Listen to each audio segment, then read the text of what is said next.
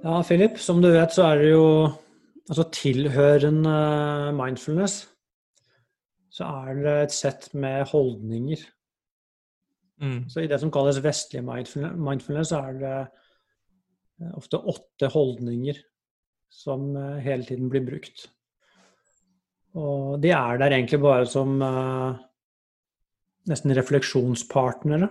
Det er ting du kan ta fram i møte med livet for å få, for å få hjelp til å finne andre perspektiver på eh, egentlig hvilken som helst situasjon. Og en av de holdningene som kanskje er mest omtalt, er jo dette med aksept. Mm. Så, så hvis jeg spør deg, altså når du hører ordet aksept, hva er det første du tenker på? Ja, alltså jag vet ju att det kan vara vanligt att, att förbinda det med en passiv handling men alltså för min egna del så har det egentligen alltid handlat om ärlighet, alltså att se på en situation eller försöka se på en situation som den är. För vi kommer ju, alltså vi kommer ju till livet som vi är och vi har ju också reagerat på livet i, ja, för min egna del i 29 år nu. Och jag vet ju att det är mönster i mig som hela tiden upprepar sig i möte med nya situationer och jag ser också att det är som i ett förhåll för exempel så ser jag att det är många av mina, alltså när jag och min kärste hamnar i oenigheter så ser jag ofta att det är det kan vara olika situationer men det är ofta samma mönster i mig som, som upprepar sig och som ofta är en, en rot eller en kilde til, til at i hvert fall jeg reagerer som jeg gjør, og forverrer situasjonen. Mm. Jeg tror du peker på jeg tror du peker på ting som uh, som selvfølgelig er veldig relevante fra et mindfulness-perspektiv.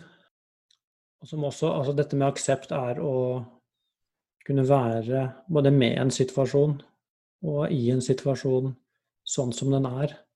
Istedenfor Og hva er alternativet? Jo, alternativet er jo at vi ofte skulle ønske at ting var litt annerledes.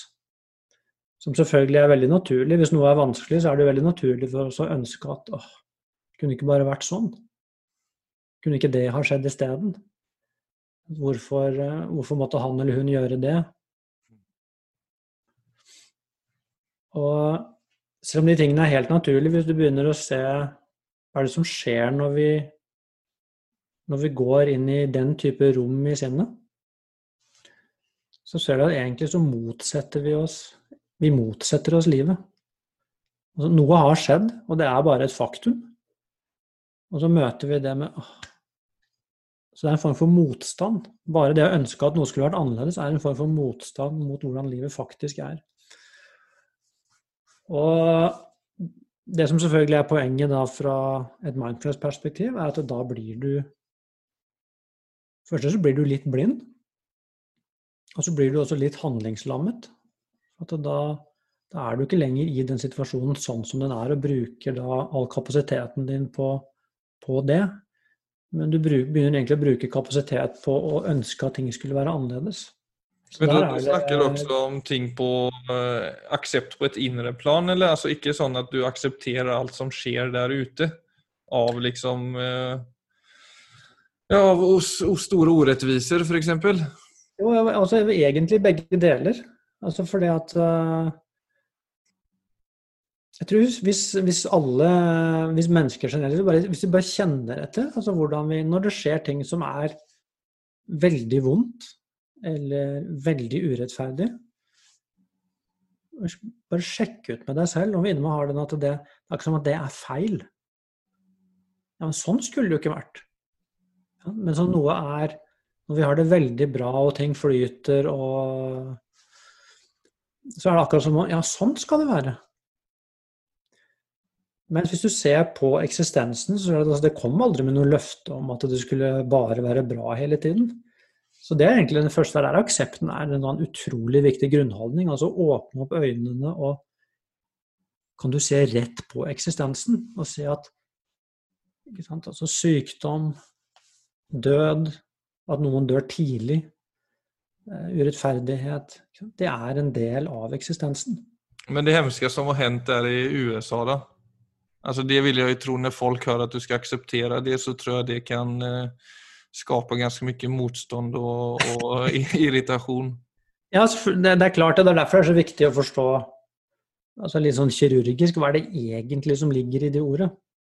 Så Hvis du ser på det, hvis vi faktisk tar inn over oss at den type ting, eh, det er en del av livet. Altså de tingene skjer. Men vi må samtidig agere på et ytre plan. Ja, Akkurat det, for du, du kan se, I det øyeblikket jeg ikke orker å forholde meg til det,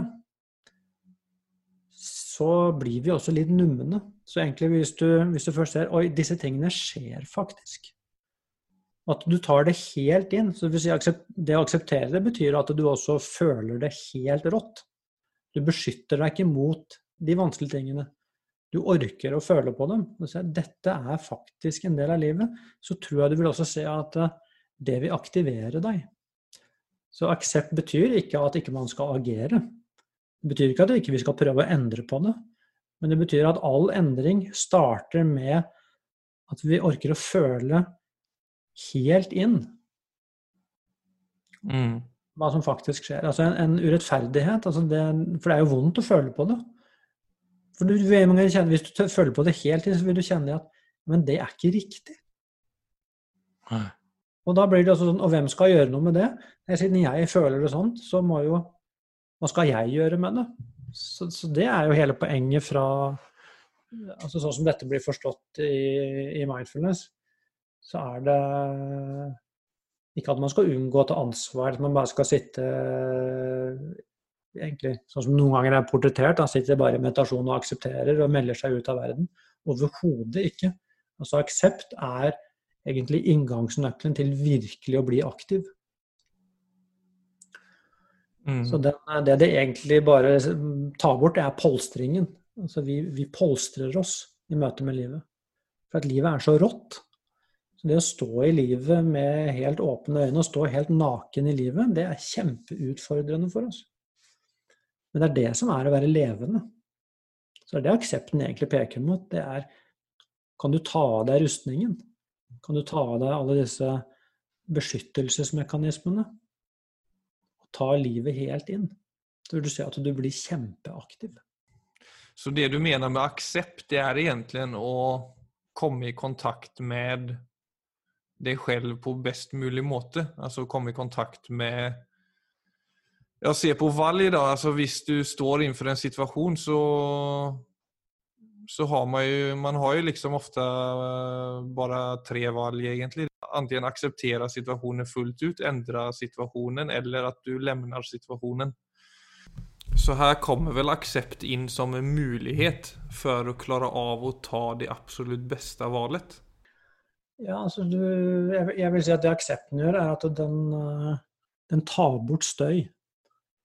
Sånn at du kan eh, se situasjonen klarere, og så ta et godt valg. Så jeg vil jo egentlig si at aksepten kommer Den kommer egentlig uansett først.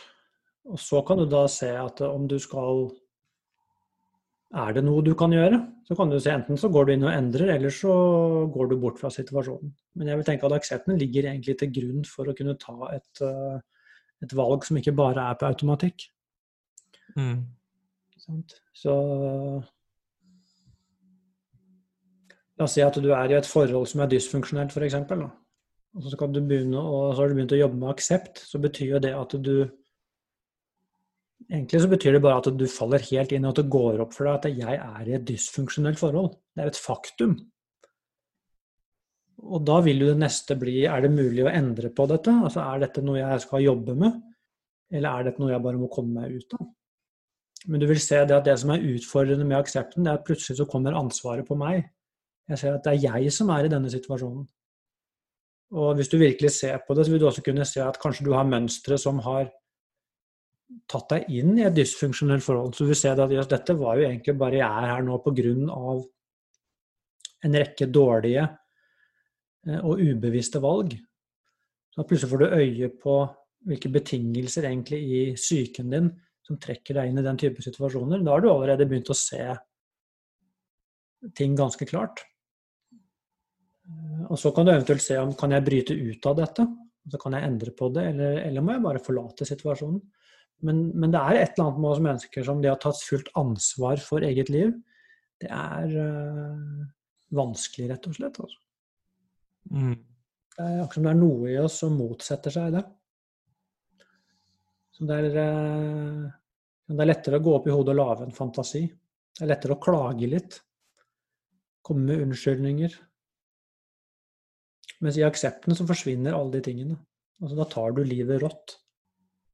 Og det samme med mine egne mønstre også. Der kommer jo også aksepten inn og se at uh, altså alle sammen vi har jo sånne blind spots i psyken vår. Så i visse situasjoner, pga. Uh, altså en type sånn conditioning som vi har, så tar vi dårlige valg.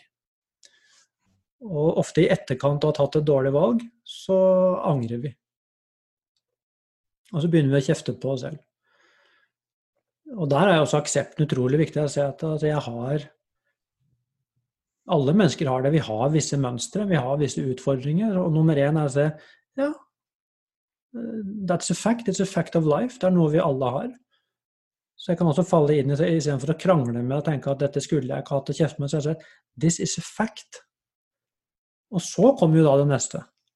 Istedenfor å bruke masse energi på å angre og klandre meg selv og sånne ting, hva med at jeg bruker all min mentale kraft og klarhet på å begynne å jobbe med det mønsteret?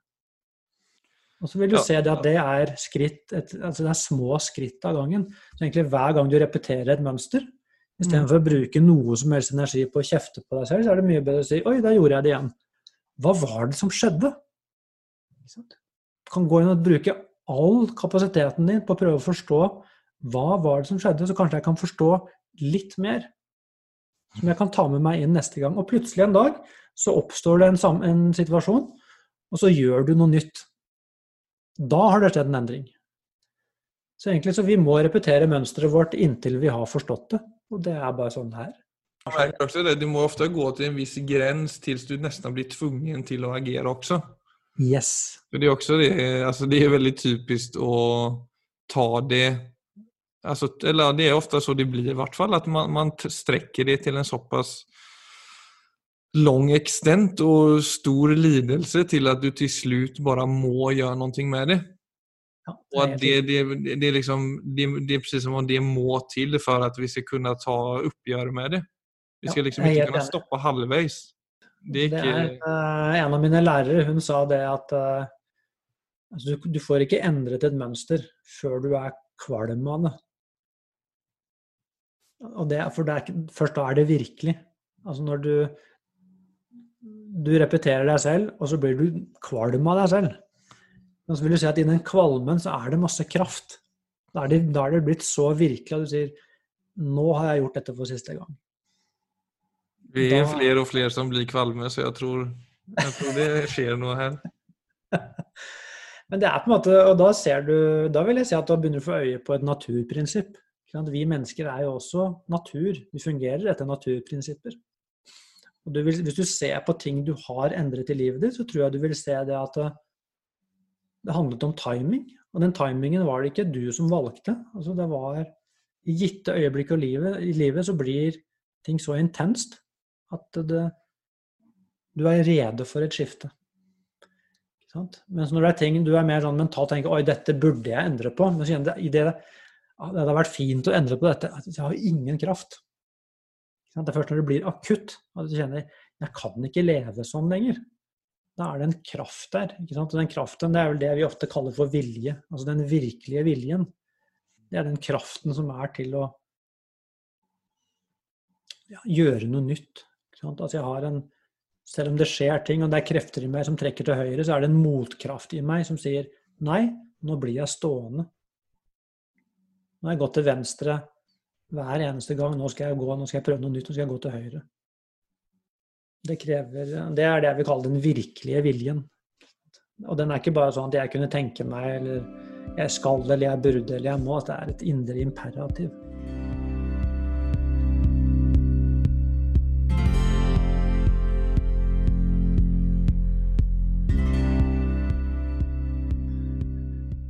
Når vi snakker om det, Philip, så, så, tenker jeg jo at egentlig så er ordet aksept er litt misvisende. For det ligger jo i ordet De fleste hører jo at det innebærer en form for resignasjon. Eller en form for passivitet. Akkurat, Vi bruker ofte sånn, ja, jeg får akseptere det, da. Og det er ofte nesten litt sånn motvillig. Ja, at det ikke finnes noe bedre alternativ. Ja, det er, det er, på en måte sånn at man, man, blir tvunget til å gi opp litt. Det er i hvert fall ofte sånn det forstås. Ja. Så, og det kan godt hende at dette Ofte så er jo altså alle disse mindfulness-ordene er jo oversatt stort sett fra enten sanskrit eller pali, altså de gamle indiske språkene. Det er klart, for det er jo noe sånn som ordet aksept brukes innenfor mindfulness, det er ikke sånn vi bruker det i dagligtalen. Det er, det er faktisk ikke det. Men det er nå det ordet som ofte brukes, så da må man jo forklare det. Det har ikke noe det har ikke noe med å gi opp eller å resignere. Det handler mye mer om å åpne øynene. Det er det å våge å stå naken overfor eksistensen. Og virkelig se, bare tørre å se rett på og se det at oi, det å leve er en utfordring. For det, er, det å leve innebærer For det første så er det i utgangspunktet er dønn utrygt, for vi aner ikke hva neste øyeblikk bringer. Og vi er så trygghetssøkende. Så, så der kommer jo også den aksepten å si altså livet er som det er. Jeg har ikke kontroll. For i øyeblikket du, du virkelig tar det innover deg, så vil du se at uh, det er ikke lenger noe altså Livet er ikke noe du skal beskytte deg mot. Altså, I det så ligger det at du, du kan begynne å Du begynner å forholde deg til livet sånn som det er. Men tror du også at aksept blir At det blir vanskeligere å akseptere livet og situasjoner for at vi også ofte identifiserer oss med feil saker? Altså, jeg, jeg, jeg, jag, tänker ofta på det at vi har ju Alltså vi har ju till fått en kropp och vi har fått en, eh, en psyke. Och det är också här, alltså på dessa områdena som vi jämför oss med varandra som allra mest. Eh, vilket ju skapar ofta avstånd till varandra. Och detta är ju områden som vi varken har valt eh, eller som vi egentligen har så stor kontroll på. Alltså kroppen ändrar sig och, och psyken uppför sig ofta oförutsägbart eller märkligt för en delen. Men, där vi, men, men det är ju ett ställe som vi egentligen alla står ganska från samma städ och det är ju hur vi förhåller oss till oss själva, till kroppen, till psyken, till livet. Alltså där är vi egentligen alla inför samma uppgift. Och det är också där jag tänker att det är här, alltså hvis vi identifierar oss mer med det Alltså det att vara, alltså jag är framför det, 'jeg er Filip eller 'jeg har den kroppen eller 'jeg har den psyken. Så blir det liksom et Det jeg mener inte att man skal liksom slippe helt sin egen historie og sitt navn og sin kropp og sin psyke. Det er liksom naturlig at, vi, at disse tingene er viktige, men vi legger liksom all identitet i det framfor det å være og forholde oss. Absolutt. Altså dette er jo her er du inne på noe av uh, altså essensen av det alle visdomstradisjonene prøver å peke ut for oss. Så det er klart det at ved at vi uh, Vi identifiserer oss hele tiden fra et grunnlag som er veldig mye i, i bevegelse, og som er veldig utrygt. Altså så som ja, men, men, det er det å være et individ. ikke sant? Og hvis jeg, hvis jeg lever da ut fra den forståelsen at Altså, jeg eh, Hvis jeg skal lykkes, så må jeg, eh, så må jeg prestere. Ikke sant? Jeg må, og da gå hele tiden gå og sammenligne meg med andre. Og se liksom, hvordan, hvordan scorer jeg? Er, jeg? er jeg bra nok? Er jeg pen nok? Så kan jeg se å, Philip har fått det, han har fått det, han er mye bedre enn meg der. Hvorfor, hvorfor kunne ikke jeg fått det? Så det kommer inn Så vi ser ikke livet sånn som det egentlig er. Altså vi, vi, kan, vi, kan, gå sånn og egentlig lulle oss inn i sånne storylines. Hvis du stopper et øyeblikk, så ser du at Men det har ikke noe egentlig med livet å gjøre. Hvis du virkelig, virkelig igjen, hvis du tør å se rett på, så vil du se det at uh, jeg har ikke valgt foreldrene mine. Jeg har ikke valgt min genetiske kode. Jeg har ikke valgt hvilket land jeg ble født inn i. Jeg har ikke valgt personligheten min. Jeg har ikke valgt uh, intelligensen min. Vi, bare, vi, kommer inn i livet med forskjellige pakker, vi, og som vi er helt uskyldige Og hvis vi begynner å sammenligne hvilken pakke vi har fått, liksom med hva andre har fått, så vil man jo fra et uh, mindfulness ståsted allerede være på helt feil kurs. For da flytter du bare inn i masse forventninger. Men alle disse forventningene har bare sete i at du, du har egentlig tatt et skritt bort fra livet allerede. Mens i motsatt fall, hvis du går inn og ser at OK, jeg har fått denne pakken, og istedenfor å sammenligne meg med andre, kan du se, der er vi helt like. Det er ikke noe hierarki her. Så hvordan kan jeg bruke min pakke på best måte? Hvordan kan jeg bruke min pakke til å finne ut av livet? Så da kan jeg bruke også de tingene som, som kanskje vanligvis blir sett på som negative. alt kan brukes. Alt kan brukes til å egentlig låse opp forståelsen av livet. Det blir jo en helt annen tilnærming. Så, så der kommer jo også Egentlig så peker dette akseptordet også mot dette. Det er å se at Altså, akkurat som jeg har blitt kastet ut i livet som denne pakken. Og så er spørsmålet bruker jeg den? Bruker jeg disse verktøyene jeg har fått? Eller bruker jeg det bare til sammenligning og vurdering? Ja, så vil du se det, Hvis du ser videoene, ser du hvis jeg bruker sammenligning og vurdering, fører bare til smerte. Men hvis jeg virkelig bruker min pakke, så vil du se det at så, så vil du faktisk få et godt liv. Altså sammenligningen som tar knekken på oss. Bare det å se det er mulig å leve uten sammenligning. Bare prøv å kjenne på den friheten. Det er mulig å leve uten sammenligning. Det er bare en uvane. Da står du plutselig fri i livet. Og at det faktisk er nok å være meg. Det er det eneste jeg har, faktisk. Så hva med å begynne å bruke det? Jeg tenker ofte på et barn iblant som eh, Altså, de har jo De har ikke utviklet et like avansert medvetende som oss. Och det att vi, alltså vuxna eller vi som har liksom kommit lite längre i livet, att vi hela tiden låser oss vid ting. Då. Vi ger ting mer energi ofta, eller vi ger det mat vid att vi reagerar på en situation väldigt starkt. Så är det liksom den måten vi låser, upp, låser oss upp i känslor och tankar. Absolut det føler jeg ofte er roten til at vi ofte ikke har det bra. Altså, du har jo aldri sett et barn gå rundt med en tanke eller en følelse over tid som har liksom drengt en i sorg. Altså, det er jo, det, det, der er det jo liksom i, i kontinuerlig kontakt med øyeblikket og det som skjer, og det, det, neste, det neste overgår i det andre. Og du Livet får utfolde seg i, i møte med det som skjer, på en, på en veldig naturlig måte uten at man uten at man eh, stopper opp eller henger seg fast ved det. Og så er jo det å bli voksen er jo, det er en gave å ha den oversikten og ha den refleksjonsformågen. Men hvis vi ikke blir klare over det forholdet, så blir det mer en forbannelse enn en gave. Hvis vi bruker den evnen til å låse oss vid vanskelige situasjoner altfor mye, så blir det til slutt så tar jo det til slutt over livet. For det med aksept, det gjør jo på en måte Det tillater oss.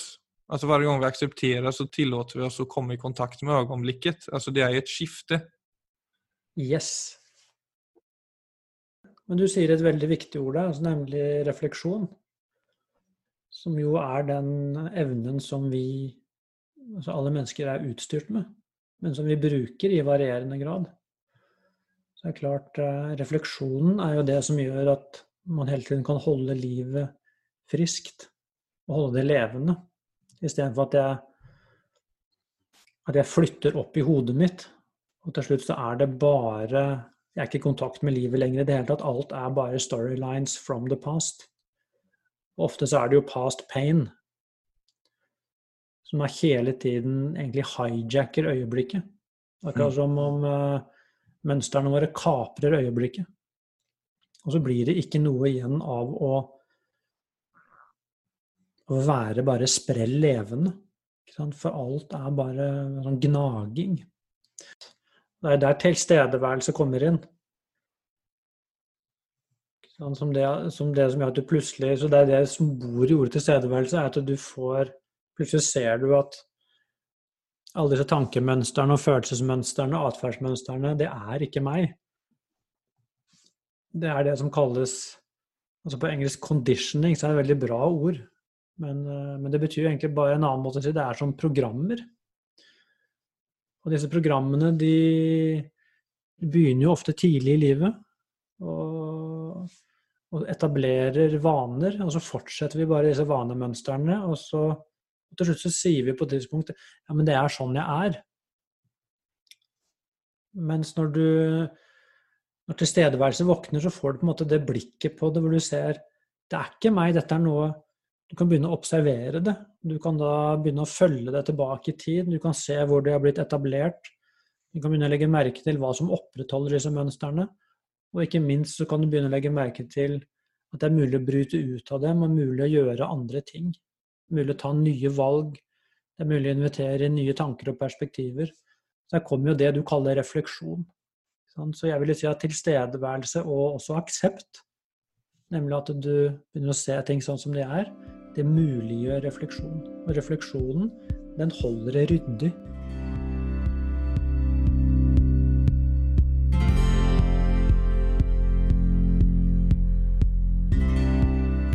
Neste uke så skal vi bl.a. snakke om meditasjon, og hvorfor vi mener at dette er viktig. Både for de som er helt nye, men også for de som har litt erfaring fra tidligere.